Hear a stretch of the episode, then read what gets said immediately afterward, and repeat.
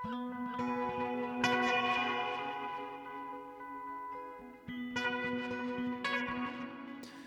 sæl og blessuð. Við sjá heilsar á miðvíkudegin, sjálfið, kvikmyndatónlist og hljóðmyndir í Víðsjá í dag.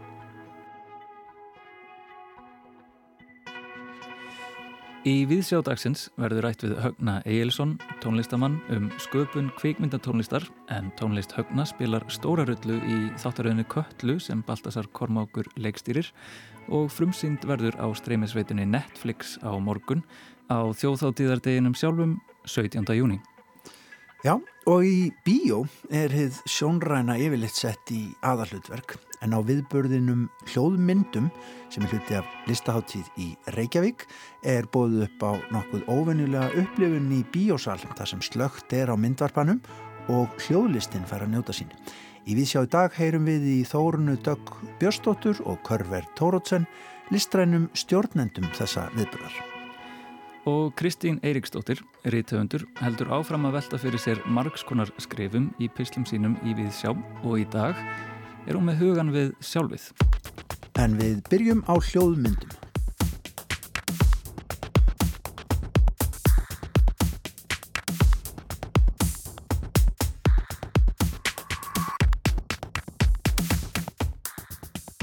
Ég settur hérna niður með Þórunu Dögg Björnsdóttur og Körver Tórótsen listrennum stjórnendum hljóðmynda sem að fer fram í laugar og spíjó næsta laugardag millir 11 og 2. Hljóðmyndir, þetta er hljóðviðburður og við byrjum kannski á þér Þórana. Eh, hvers konar viðburður er þetta? Já, þetta er sem sé um, viðbörur þar sem að, að, að, að uh, þú getur farið í bíósal og upplefað uh, hljóðverk uh, í bara allra bestu gæðum, getur við sagt. Um, sem sé í staðin fyrir að fara í bíó og upplefa hljóð og mynd, þá ertu að fara að upplefa bara hljóð. Og við erum sagt að nýta um, þá stórgóðu tækni sem heitir Dolby Atmos og er, er sagt, í laugarsby og í einum sal þar til þess að, að svona, já, búa til einhvers konar hugvíkandi upplifun í hljóði. Einmitt. Og ef ég færi og, og keipti mér með það og settist niður í þetta, uh, í þennan bíósal, mm -hmm. hvað, hvað verður myndi ég upplifa? Sko það sem þú myndir upplifa og, og við erum kannski að undistrykka með að hafa þetta, við erum ekki með neitt á prótéttunum, þannig að þú kemur bara á sest niður og lokar augunum eða hefur opið eða hvernig sem er, slappar af. Og það sem þú myndi upplega er að hljóðið, þetta Dolby Atmos kerfi er sagt, þannig gert að þú heyrir hljóð ekki bara í kringu þig eins og gamla surroundið heldur líka sko það er líka hátalara fyrir ofan og síðan býr þetta kerfi til svona netakerfi þannig að öll svona hljóð sem að fljúa í kringu þig þau, þau eru svona miklu nákvæmar en áður. Og þetta kallast sem sagt um óma hljóð, hljóðkerfi og við sem sagt allir hérna höfundanir af verkum þeir gerðu sem sagt verk sérstaklega fyrir þetta. Þannig að það er allir að reyna að nýta sér þessa um óma tækni sem lætir áhörundur upplifa miklu íktara og miklu sterkari hátt hljóðið heldur um við vön Uh, já, við erum kannski upplifun endar hljóði vennilega í bíó, svona út um allt og það er rosa upplifun, en við kannski gefum þið ekki einsmengin gaum þegar er einhver sko mynd í gangi. Þannig að þetta er sem, þess vegna heitir þetta hljóðmyndir að því að uh, myndin er að gerast í, í haustum á þér þegar þú sittur og hlustar.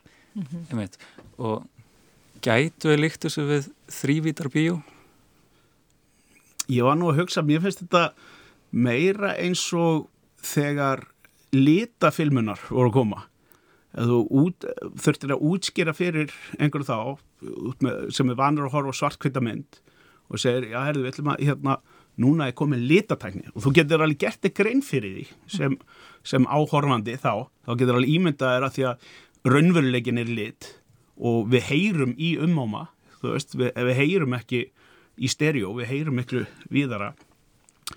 Og sko þannig að áhærandi getur svona gert sér einhverja grein fyrir hvernig litfilma verður. En það sem gerir, gerir sér kannski ekki grein fyrir er hvað það er að nota það á rosa listrannan hátt. Til að e, undistrykka, til dæmis í bíómyndu þá er mismöndi litapalletur undistrykka ymsar, hérna, ymsar hluti í kveikmyndinni. Þannig að í þessu leiti, þú veist, það getur allir ímyndið sér hljóð sem að ferðast í kringu þig en það er ekki fyrir þú sest niður og, og heyri listamenn sem eru búin að sko nákvæmlega vera hanna upplöfum fyrir þig í þessum umóma hljóðheimi sem þú fattar hvaða getur haft mikið listrænt gildi að vera sinn eigin miðill. Það náttúrulega byggir á þessari um, því sem að men, kvikmyndagerða menn eru að reyna að gera þetta í bíosal er að búa til algjör svona tótal upplifun að þú ert með mynd, þú ert með einhverja bíomynd, einhverja frásögn, einhverja sögu og þú vilt segja þessu sögu á sem raunverulegastan máta mm. og þá náttúrulega þegar að hljóðkerfi eru svona þróa líka þá náttúrulega eigur það á þessu upplifun á raunverulegri sögu sem að, sem að þú sem sögumæður, kvikmyndagerðamæður ert að reyna að segja.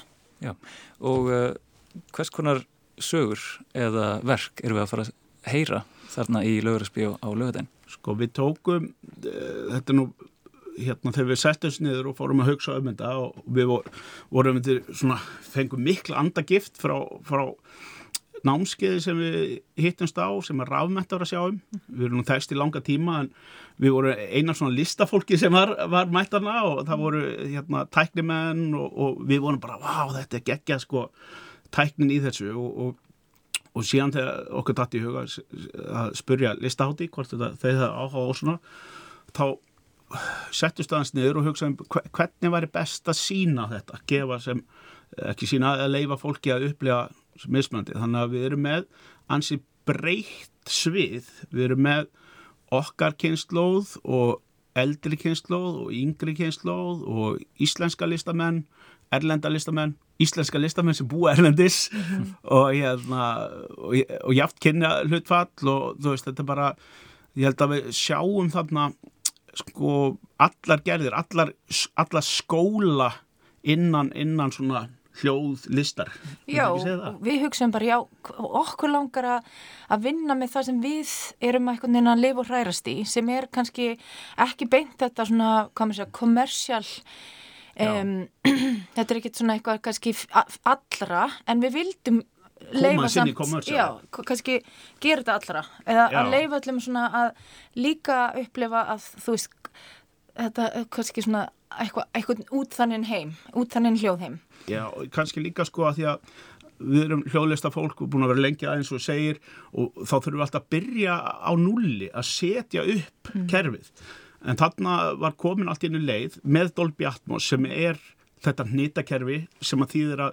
þegar er búið að við erum búin að leika okkur með hérna með joystickinn og, setja allt saman þá flist hnitakerfið mm. yfir í næsta sal. Þannig að sama hvar verður hlusta á þetta hér heimað út í heimi eða hvernig sem er þá helst það, þannig að þetta er líka svona staðall sem kemur atmónsinu þá vitum við, það er svona mikill bassi til staðar, það eru svona margir hátalar til staðar, mm. það er svona mikill kraftur alltaf, þannig að loksins fá við sem hljóðlista fólk uh, tækifæri að bara að vinna í uh, fullkomnu kerfi áðins að þurfu alltaf að vera að fá lánaða hátalar hjá viðrum og fjölskyldu til að setja upp og byrja á startpunktinu Já, líka alveg bara eins og þú segja þetta með stað, staðar um, að þú veist, þegar maður er auðvitað að setja hljóðin í rými, þá þarf maður alltaf að stilla af, mm -hmm. af því að það eru alls konar hluti sem gerast, þú veit, komið svona Já.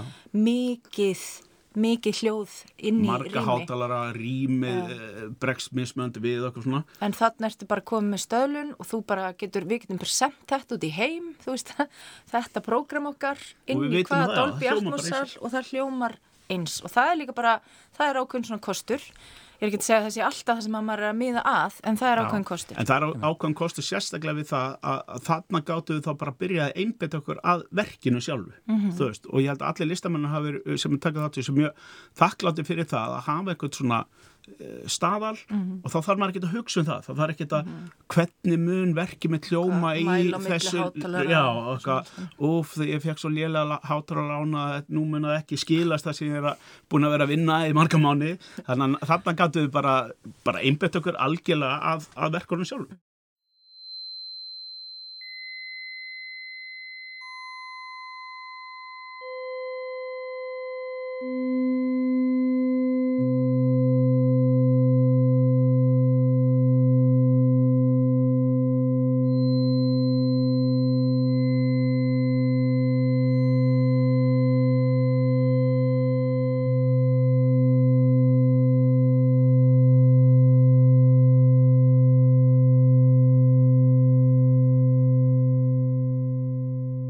Þóranudögg Björnsdóttir, uh, verkið þitt Fingers, Ears and Heart nummer eitt, getur það eins sagt mér frá því? Já, ég skal segja frá því. Um, sko, verki er, er byggir að miklu leiti á hérna, upptökum sem ég gerði í hljóðveru í Stokkólmi, um, í hljóðverunu EMS sem er Electronic Music Studio.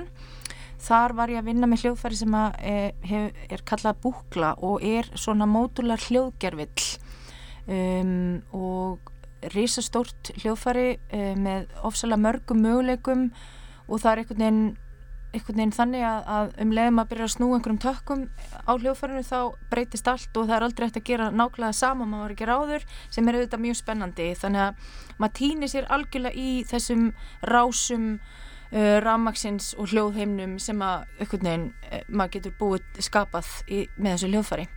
Og þetta var þess að já svona uh, upptökur úr þessu hljóðfæri eru, eru sagt, megin efni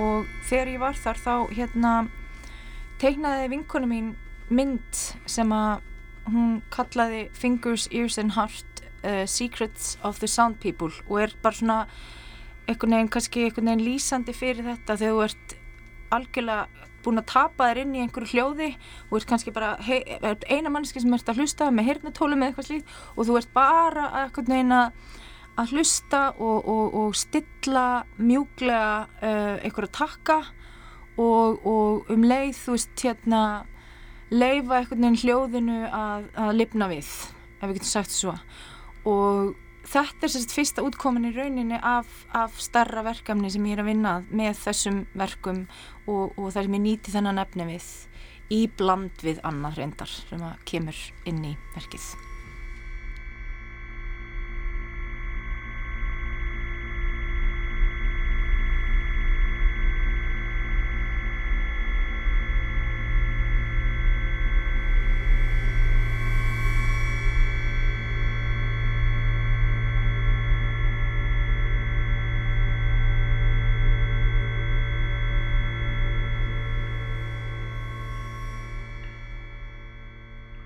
Karvert Tóratsen uh, verkið þitt um óma um hvað er það? Já, ég tók svona alltaf þann pól í haðina að, að svona prófa þennan þetta hljóðungri, þetta um óma og verkið bara heitir eftir því það sem að svona ég fór aðeins í svona pedagógíska stöðu sko og þegar vorum að sapna saman verkonum og, og hérna fór svona aðeins að hugsa hvað ég myndi vilja heyra mér lákaði að gera eitthvað aðeins meira pöngað og var mikið að prófa einmitt svona nýja vinsluhætti sem að koma með alls konar effektum og sluðis við þetta en síðan er þetta svona hugmyndafræðileg tenging við, við uh, verk sem hafa komið áður eins og samstyrni þetta er Magnús Brandal Jóhansson og smá kinkakolli til hérna G. Sanktir Junglinga eftir Stokkásen og fleira og, og þetta er svona daldið hérna blandi póka í rauninni. Svona hvað hægt er að gera? Og það er, og tók það svona á mig að, skella inn í verkið hugmynd sem að uh, ég Þóran og Gunnar voru mikið að pæli að því að í gamla kerfinu þá er talað um beds sem eru kölluð beð á íslensku og síðan er í þessu nýja atmoskerfi er það sem kallað objects sem að fljúa svona um rýmið og okkur dætt í huga þýða þetta sem beð og flugur mm í mhm. staðan fyrir beds and objects að, og, og tók það svona kannski inn, á, inn í verkið mitt að bara festa þetta niður uh, hugmyndum um þýðing á, á þessum hugtökum yfir íslensku og, og Gunnar Átnarsson svona hérna, hérna innsiglaði það uh mhm. -huh. með að kalla þetta einmitt beð og flugur mhm. -huh. og, og það var skemmtilegt að geta sett það inn í verkið umóma og fjallar um beð og flugur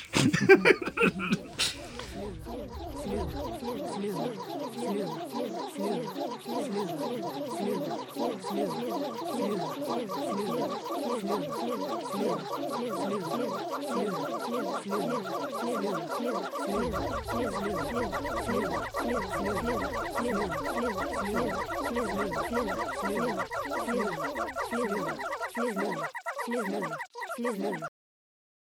uh, hverjir koma fram?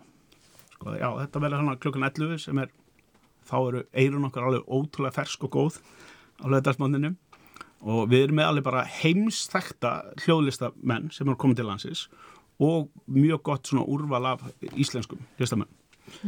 Já, emitt, þarna við sem sett ákvaðum að reyna emitt að setja saman hóp af listamennum sem að, að við töldum einhvern veginn að geta haft bæði gaman að þessu verkefni og sem að hafa líka, já, líka, og já. hafa líka bara verið að vinna kannski að, að þú veist, einmitt að vinna með þessar hugmyndir um, um svona þetta um óma og ég vil nú helst nefna Íslendingin Ríkard H. Friðriksson sem er alveg Já, mikil, mikil framstöfnu fígura í, í þessu öllu saman og um, Seinustu 25 ára já, mikil fyrirmynd og síðan eru við með stórstjörnur mm. -hmm. Francisco López og konan hans Barbara Já, Ellis. Ellison, sem að þau, þau er, sagt- eru búsett í Hollandi en, en ferðast um við, við um heim og, og e, bera fram sína list og eru mjög, orðin mjög þekkt nöfn. Þau eru líka þekkt fyrir að- standa fyrir mjög áhugaverðum námskeiðum í hljóð, sem sagt, hljóðupptökum bæði í Suður Afríku og Amazon frumskóginum og hérna... field recording Já, dæmi. já,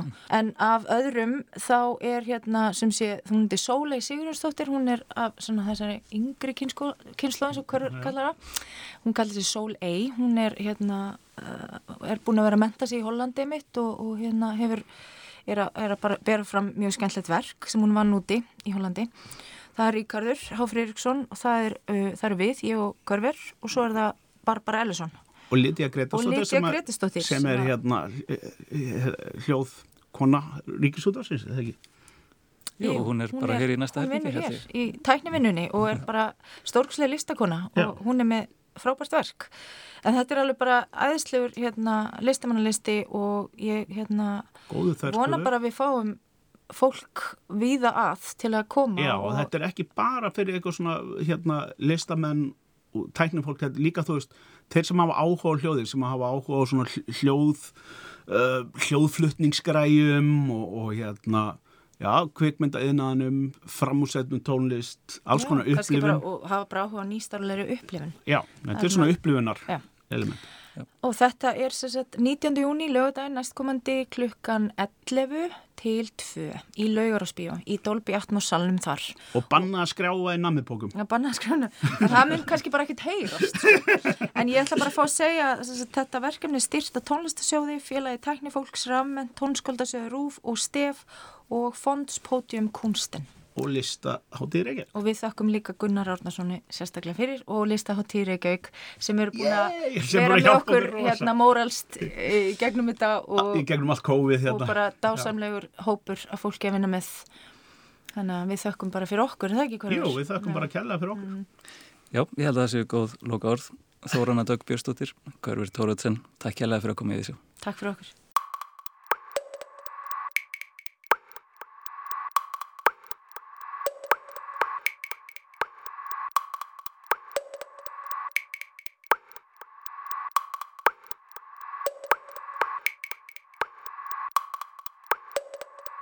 Hér erum við brot úr hljóðmyndum sem verða í laugarásbíói á laugadaginn og eru hluti af listaháttíð í Reykjavík.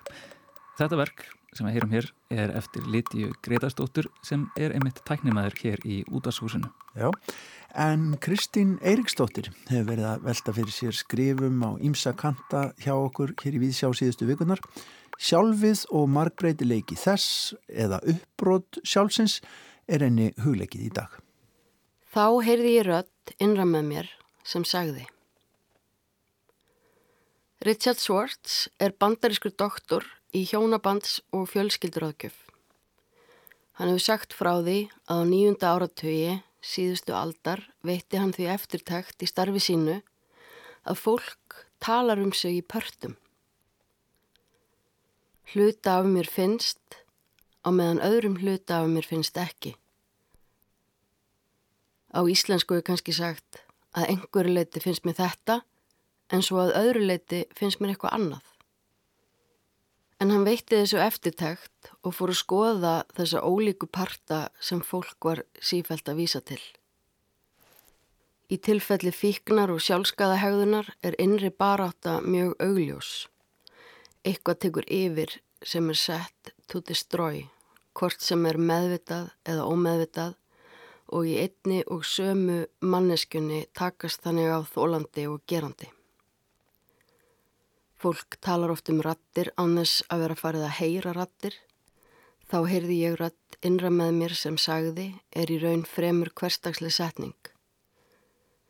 Í spjalli kemur síðan yfirleitt eitthvað jákvægt, til dæmis að nú sé komin tími á mig að skína. Og þá mætir oftar en ekki innri gaggrínandin frægi og segir fólki að tilraunir þeirra til þess að skína séu hlægilegar. Hver í óskupunum heldur þú einlega þú sért?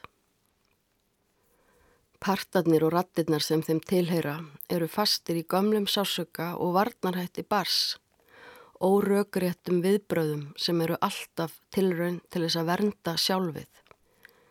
Í meðferðinni nálgast fólk partana eins og ráðfrúta börnin sem þeir eru og reyna að ná til þeirra, útskýra að þetta sem kom fyrir er liði hjá eða að aðstæðunar séu ekki lengur til staðar. Pörtunum er þakkað kærlega fyrir að halda á þessu fyrir viðkomandi í öll þessi ár og yfirleitt léttir þeim. Það er ímislegt annað sem börn vildu frekar gera en að halda upp í vörnum fyrir fullorði fólk. Varnirnar geta byrst í þeirri trú að engin annar en þú skiptir máli eins og bendlaðir við forngríska guði Narcissus eða að allir nema þú skiptir máli sem oft hefur þótt göfuga en endar alltaf með hörmungum. Öll möguleg geðbreyði og hegðunaminstur geta verið byrtingamind en þessi hópur parta, skástrygg barna, er þó ekki bundin eingöngu við þá sem standa í andlegu vafstri eða hafa komist upp á kant. Heldur er grunn aðferð sjálfsins við að verja sig og sjálfið þarf að verja sig í heiminum hvort sem það er fyrir heimilisofbeldi æsku eða prófkvíða. En það gerist í mismöklu mæli að partarnir taki yfir, þykist vera sjálfið og eru í mörgum tilfellum svo sannfarandi að fólk telur sig vera það sjálft en er í raun fast í viðbræði gamals parts, er ráðfróta barn alla sína daga og sjálfu sér, samstagsfólki eða fjölskyldu yfirleitt til einhvers ama. Mér fannst allt tal um sjálfið mjög rugglingslegt þegar ég var raunverulegt fysiskt barn og unglingur. Að vera ég sjálf, en hver er það sem á að vera hans sjálfur, hver stígur í og úr hlutverki sjálfsins, hver er með brotna sjálfsmynd. En sjálfið er þá sem sagt ekki brotakent, heldur stýrist hegðun manneskunar af því sem er brotið. Sjálfstjórn hefur ekki að gera með aga, heldur að lifa ekki í stöðugu viðbræði sem er aldrei val, heldur funksjón.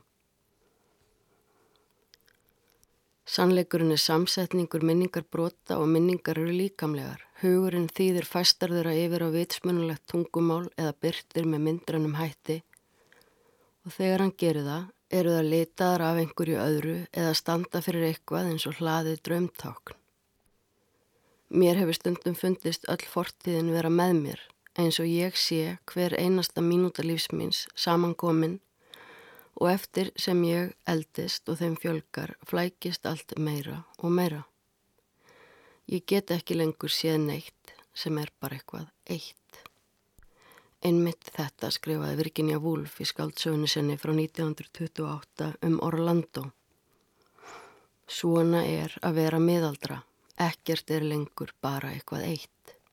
Ég tek upp veski og hugsa um gamla konu sem setur frosin á pramma, engur kveikir á bleiku kerti og ég sé stúlku í rúsneskum buksum. Þegar Orlando hugsar þetta er hún orðin 36 ára en hefur lifað í rúm 300 ár. Fyrir hluta, frá því fyrir aldamót 1600 og fram á 18. öld sem ungur aðalstrengur og maður en frá 18. til fyrir hluta þeirra 20. sem kona og hún man allt. Ég ætla núna að lesa aðeins fyrir ykkur úr Orlando og tek fram að ég vann þetta úr frumtekstanum sem byrtist öðruvísi á síðan bókarinnar. Intakið er það sama og ég hef engu bætt við. Kaplinn sem ég grýp niður í er úr einum þeirra síðustu í bókinni og 20. öldin runnin upp. Það er Orlando sjálf eða sjálfur eða sjálft sem mælir. Það er ekki lengur hægt að lesa neitt í heild eða frá upphafi til enda.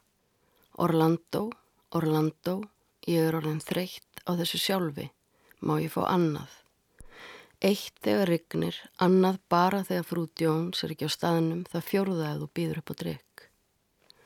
Orlando, Orlando og nýtt og nýtt og nýtt, að minnstakosti sex eða sjö og í hverju þeirra tvö þúsund.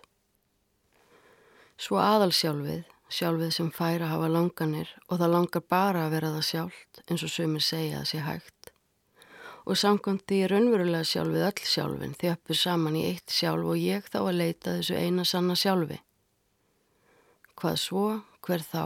36, keiri bíl, kona, já, snoppuð, sokkaband, hliparðar, forfeður, stolt, já, gráðug, grimm, ég.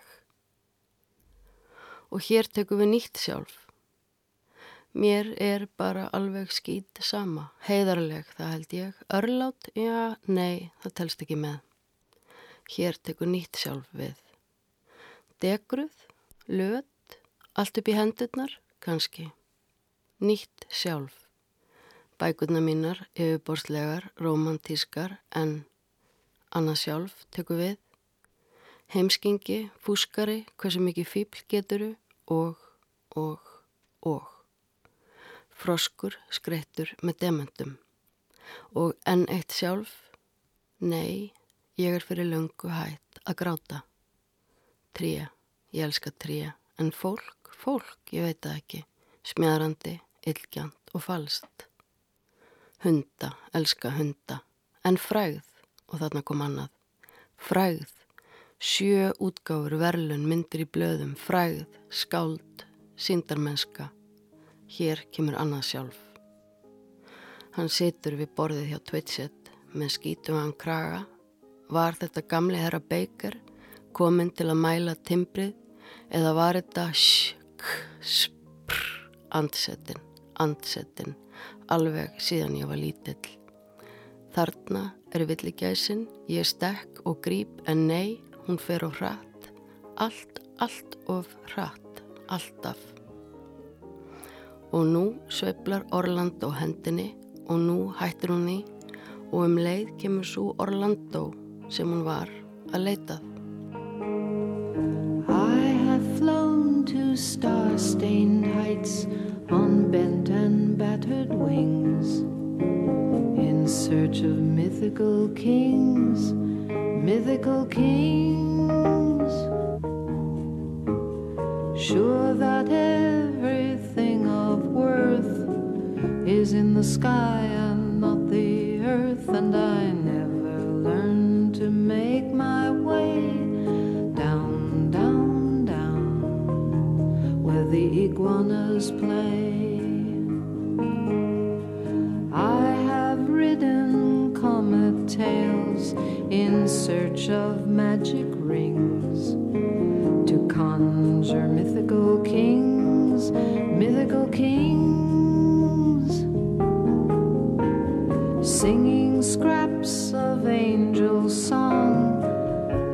is right and low is wrong, and I never taught myself to give down, down, down where the iguanas live. Astral walks I try to take. I and throw each Lægið Mythical Kings og Iguanas með Dóri Pervin hér á eftir pistli Kristínar Eiriksdóttur við þökkum henni fyrir framlag síðustu vikna hér í Víðsjá.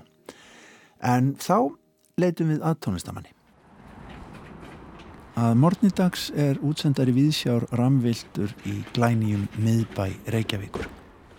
Við erum að leita að ingangi í hús við ætlum til fundar við tónlistamann landstektan tónskáld sem að nýverið hefur gengið frá tónlist fyrir glænýja þáttaserju sem frumsýnd verður á morgun á Netflix streymisveitunni.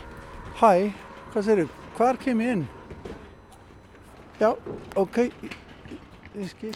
Hún heiti Katla, Baltasar Kormagur leikstýrir, tónlistina gerir Högni Egilson. Blessaður. Blessaður. Ég myndi númerið, er mest hissa á því.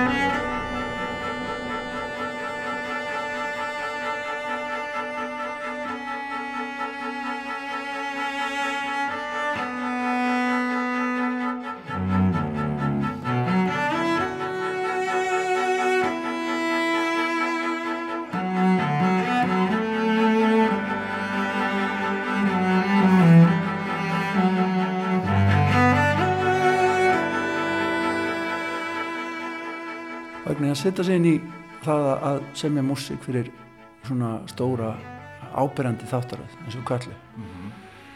Hvað hérna, ég, hvað stellingar ferðu þú fær svona verkefni? Getur þú kannski líst í? Já, um, fyrsta hugsunin er hérna, maður er hérna, hvað að segja, spenntur og, og, og hérna, gladur og, og hérna, hissa að því maður hugsa sem svo að hérna, þetta sé stór og mikill risi sem maður er að fara að etja kappi við mm. og svona seria er það hún er, hún er hérna, þetta eru átta þættir þetta eru 45 minútur hver þáttur og, og, og í tilfelli í köllu þá er, þá er tónlistin stór og dramatískur karakter inn í þessu sögursviði um, fyrsta sem ég hugsaði er wow, ég bara fekk hérna stóran canvas til þess að mála mínar myndir á. Um, síðan í, í kjölfarið því þá færðu kannski smá tögafalla því þú hugsaður ó nei hvað er ég búin að koma mér út í? Þetta er stór munbytti til að kingja og eh, ég fekk ákveðist til hlaup þegar að Baltasar nálgæðist mig. Ég hérna töluðum saman alveg hálfa ári áður en þau fóru að skjóta þættina. Mm. þannig ég gæti gefið mér svolítið tíma til þess að, að hérna, semja þemu og, og tónlist. Um, ég uh, stellingar sem ég setti mig í var einfallega það að ég ætlaði að nálgast þetta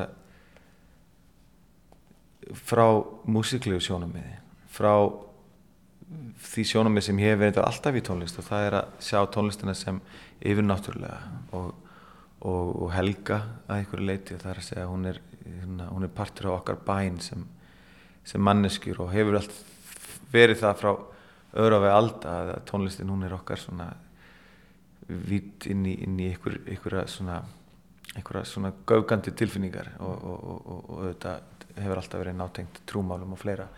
Og við Baltasar við vorum á, á þeim streng og segur hann líka sam, samsætsmaður hans um að, að tónlistin myndi taka sér plása, hún myndi verða present, hún myndi ekki vera einfaldir svona hljóðlitir eða, eða áhrifa uh, hljóð sem myndi setja einhverja stemningu heldur að myndi taka sér stöðu sem svona sem músík og, og, og það heitlaði mér mjög mikið í að, hérna, að fá svona hérna, mikið um, svigrum til þess að, að, að sinna minni list, sinna mínu handverki í, í, sem, sem tónskald mm. um, þannig að stellingarna sem ég fór í var það að ég ætlaði að skrifa bara fallega tónlist og kraftmikla tónlist. Og, og ég sem persónulega ég reyndar verða að segja ég þegar ég var ungur og vittlis og kannski hérna, með, með uh, svona ringdi upp í nefið á mér þá í, í skóla þá hugsaði með mér oh, ég ætla aldrei að vera kvíkmyndu tónskáld það er að hallar alltaf öllu. Ég hugsaði með mér er, það er svo látt að vera skrifa fyrir kvíkmyndi að ég vil vera alvöru tónskald og svona og, og hérna og sem betur fyrir þá hefur það svona það er átlast að mér að því ég hef séð þetta sem svona í bara miðil sem, sem hérna er ansi kraftmikið mm. og, og, og ég gætt nálgast þetta á mínum fórstundum, ég gætt farið inn í þetta sem, sem hérna kraftur innan þessara sköpunverks mm. um, auðvitað er tónlistin hliðarveröld hún, hún á sér ekki viðhengi í merkingu rauntímans, er ekki það, það er ekkit í tónlist sem á sér stað í, í, í, í- í heiminum sem við tökum þátt í hérna með borð fyrir framann okkur og hluti og, og, og, og samtöl við fólk og svona, þetta er, þetta er hljóð. Þetta er annað, annað svið. Já, þetta er annað, ég meina þetta er annað efnissvið og, og, og bara frá eðlisfræðilegu sjónamiði.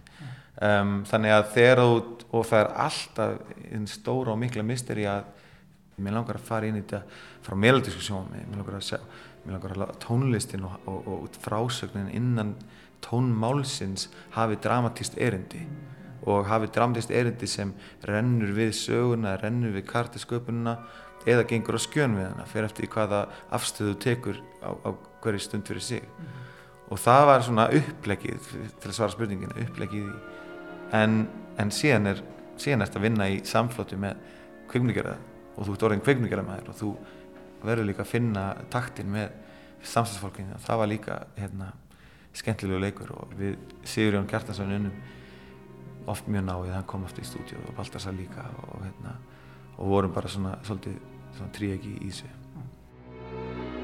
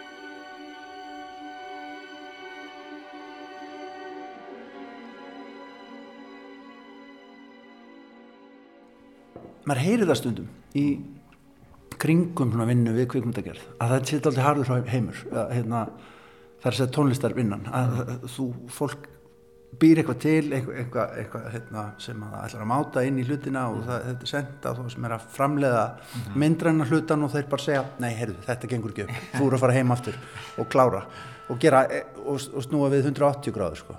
Er, er þetta svona? Lendur, lendur þessu líka? Já, Guðmur Almatur, alveg hygglist og það var að hotlasta sem ég gæti nokk tíma gert og lendi sem listamæður Nei, ég minna, Baltasar er kröfuharður og, og, og, og sko kröfuharður og metnaðfullur og asturfullur listamæður hann, hann gerir sömu kröfu til samstagsfólksins og hann gerir til sjálfsins og það er kannski einhverju leiti það sem ég tek svona þetta mest úr þessu verkefni er bara vinnu etíkin og, og og það er, þú ert kannski í ó, þú ert í þú ert í ólýsanlegum aðstæðum sem tónskaldið, þú ert kannski búin að gera einhverja músík fyrir einhverja senur og síðan ferðu á, á, á, hérna, í skrýningu eða ferðu og fyttir leikstjóran og, og hann segir já, ég, þetta er ekki virka, þetta er ekki virka, þetta er ekki virka heru, heru, og síðan kemur eftir vinslistjórun, já, erum við hérna,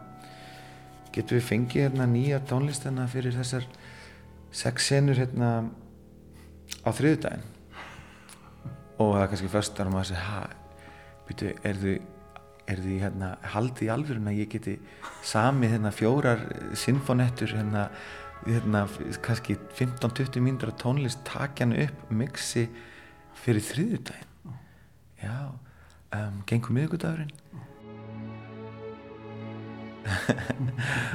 og maður hugsa hvernig á ég að fara þessu? Er að því að rauninni eins og þú segir kröfunar og, og, og tímaplani verður að standa það skiptir svo miklu máli. En veistu, það sem eiginlega kreatífsta sem þú færð sem listamæður er deadline. Er, er það. Og fyrir viki þá hefur ok, ég hef bara 5-6 dagar til þess að vinna þessu vinnu. Ég það bara vakna kl. 7-6 í morgun byrja að skrifa ég hef hana frá 6 til 10 til að skrifa með blíjandunum síðan þarf ég að bóka hljóðfærarleikana þeir koma kl. 4-5 ég þarf að fara að útsetja inn í tölvunni ég þarf að setja senun, þeir eru búið til demo svona, setja aðtöðu og tempóð á þessu hljóðfærarna kl. 3 heyrðu, ok, þeir eru að koma, erum við búin að stilla mikrofónum, já, búin hljóðfæra kl. 3 heyrðu, við ætlum að mixa frá 6 til 7 og hérna leggja við myndina frá 6 til 9 og síðan kemur kl. 9 Þetta, þetta var svona bara. Þetta var Já, vá. marga, marga vikur í senn sko. Þetta er alltaf leið, þetta fór, þú lifir í dag. Já, já, ég er alveg endi krít á hérna, í júli, þannig að ég er bara næja slaka á aðeins á.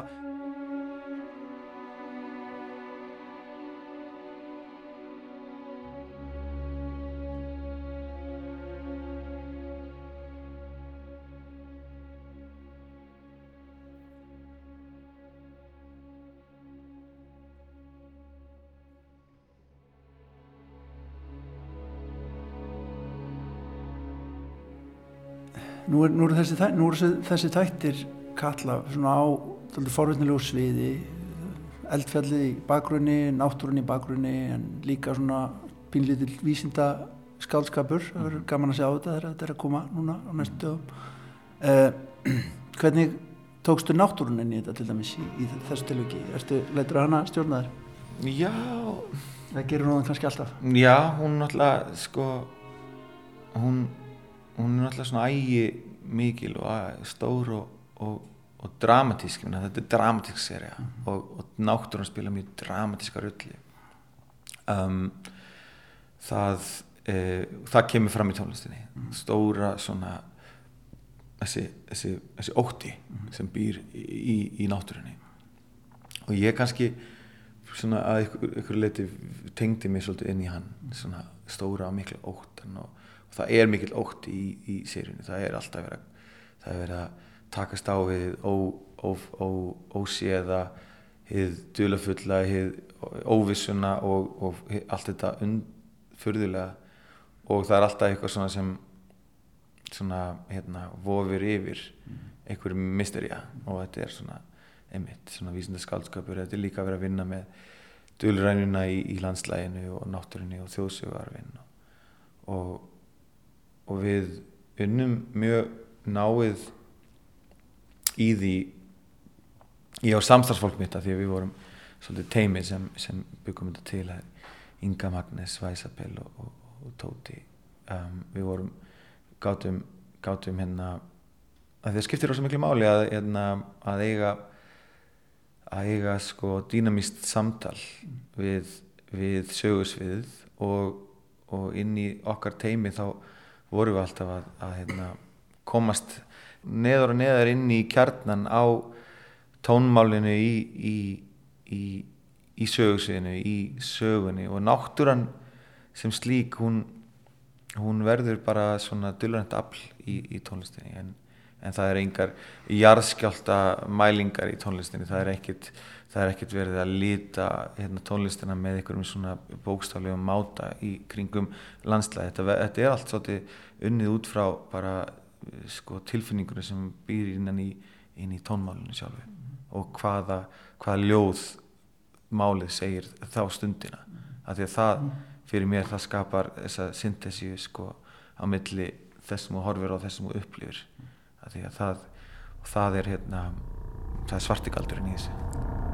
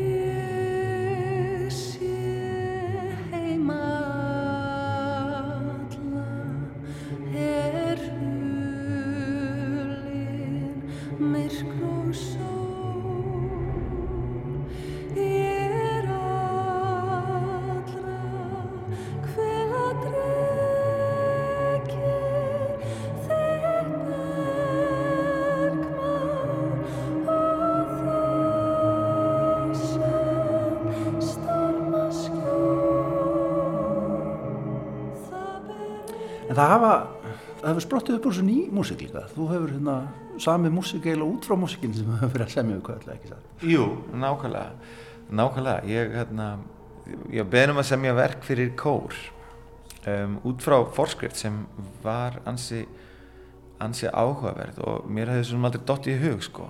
Netflix bað mig um að vinna kórverk eða rattverk sem yrði samið út frá gögnum úr jarðhræringum köllu þannig að hérna, þau setti mig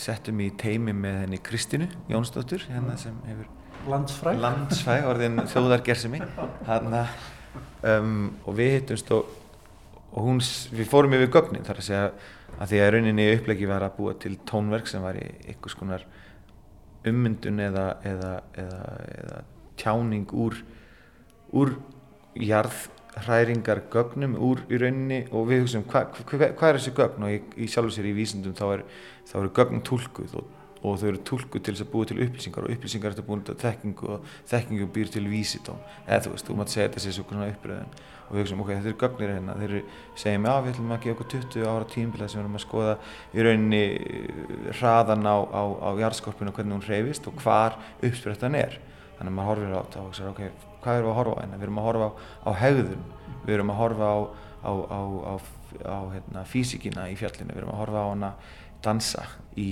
í, hérna, í sínu tjáningu, í sínu tilfinningarlegu vít og hvað getum við gert við þetta? Við getum skapað rými þar sem maðurinn í gegnum sinnmiðil skapar einhvers konar snerti mengi, sniðmengi eða, eða svona metafysist sko rými þar sem maður og, og fjall mætast og, og harmoníserast og, og út frá þessum gögnum þá bjóð ég til mótív og bjóð til harmoníu og bjóð til polifóníu og svona reynda að finna kannski eitthvað, eitthvað svona eitthvað svona, eitthvað hlut, eitthvað objekt sem væri kannski tilfinning fjallsins og tilfinning kölli og ég tók upp Kantok Ensemble sem er sko, áttamanna kammerkórhópur leittur af Hallvegur Rúnarsdóttir og síðan Guðrunýr um, sem leikur að,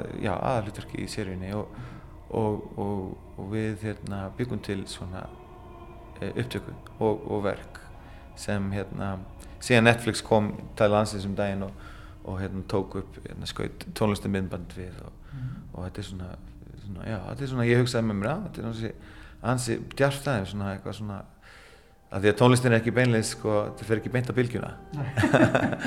Og hérna og er svona, hún er svona ögrandi svona í röttum og svona og tónmálið svona svolítið svona hryllilegt og, og um, en þau byggu til bara svona big budget hérna tónlismöfndu við þetta og það verður nota sem kynningarefni fyrir köll og bara voru gaman eins og segi það er alltaf bara frábært er að það er eitthvað sem þorir að sko þú veist búið til svona smá svona out of the box svona, hérna, kynningar ekki bara eitthvað svona sem var býst við í svona einhverjum kynningum veist, við töl og fleira, þetta er eitthvað aðeins öðruvísi. En já, þetta er mikið af tónlist við erum orðið til í kringum kvalli og, og auðvitað mjög mikið líka af tónlist sem, sem rataði ekki þættina. Ég tók upp með Sinfonilegust Íslands, ég tók upp með Hammerlega-kórnum, ég tók upp með fullt af hljóðfæraleikurum og þetta var bara eitt stort svona kreatíft ár hjá mér og, og virkilega gaman sko, ég hef búin að síðastleginn þú veist, síðan ég hóf minn fyrir þessi tónlistamær hefur mikið af minn tíma farið að, að ferðast um, um, um lönd og, og syngja og, og, það var mjög gaman eða þetta er mjög slítandi og núna þarna síðastlið ár hef ég, og eitt og allt ár hef ég náð svona góðri festu inn í mínu svona, mínu lífi sem tónskald og það er eiginlega, þér að segja bara, mér líður eiginlega hérna, betur með það, það er ekki ekki alveg eins mikið til svona rússipanni en, en hérna fyrir vikið aðeins næ, betri og jafnari tilvöra sko. Gott að heyra, takk kærlega fyrir spjallið Högni Ílsson Semleis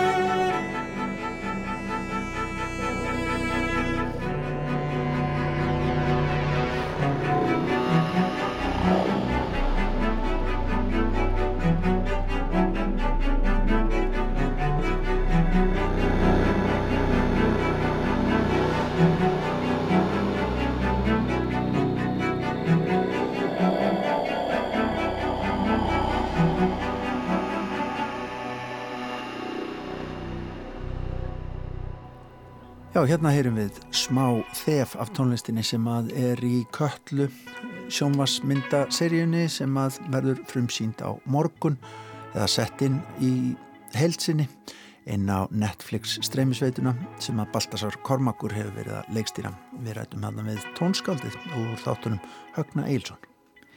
En meira verður það ekki í viðsjá í dag. Við minnum á úrvalsþáttin á sunnudaginn klukkan 14. Við heyrumst eftir helgina á mánundaginn klukkan 16.05. Verið sæl. Verið sæl.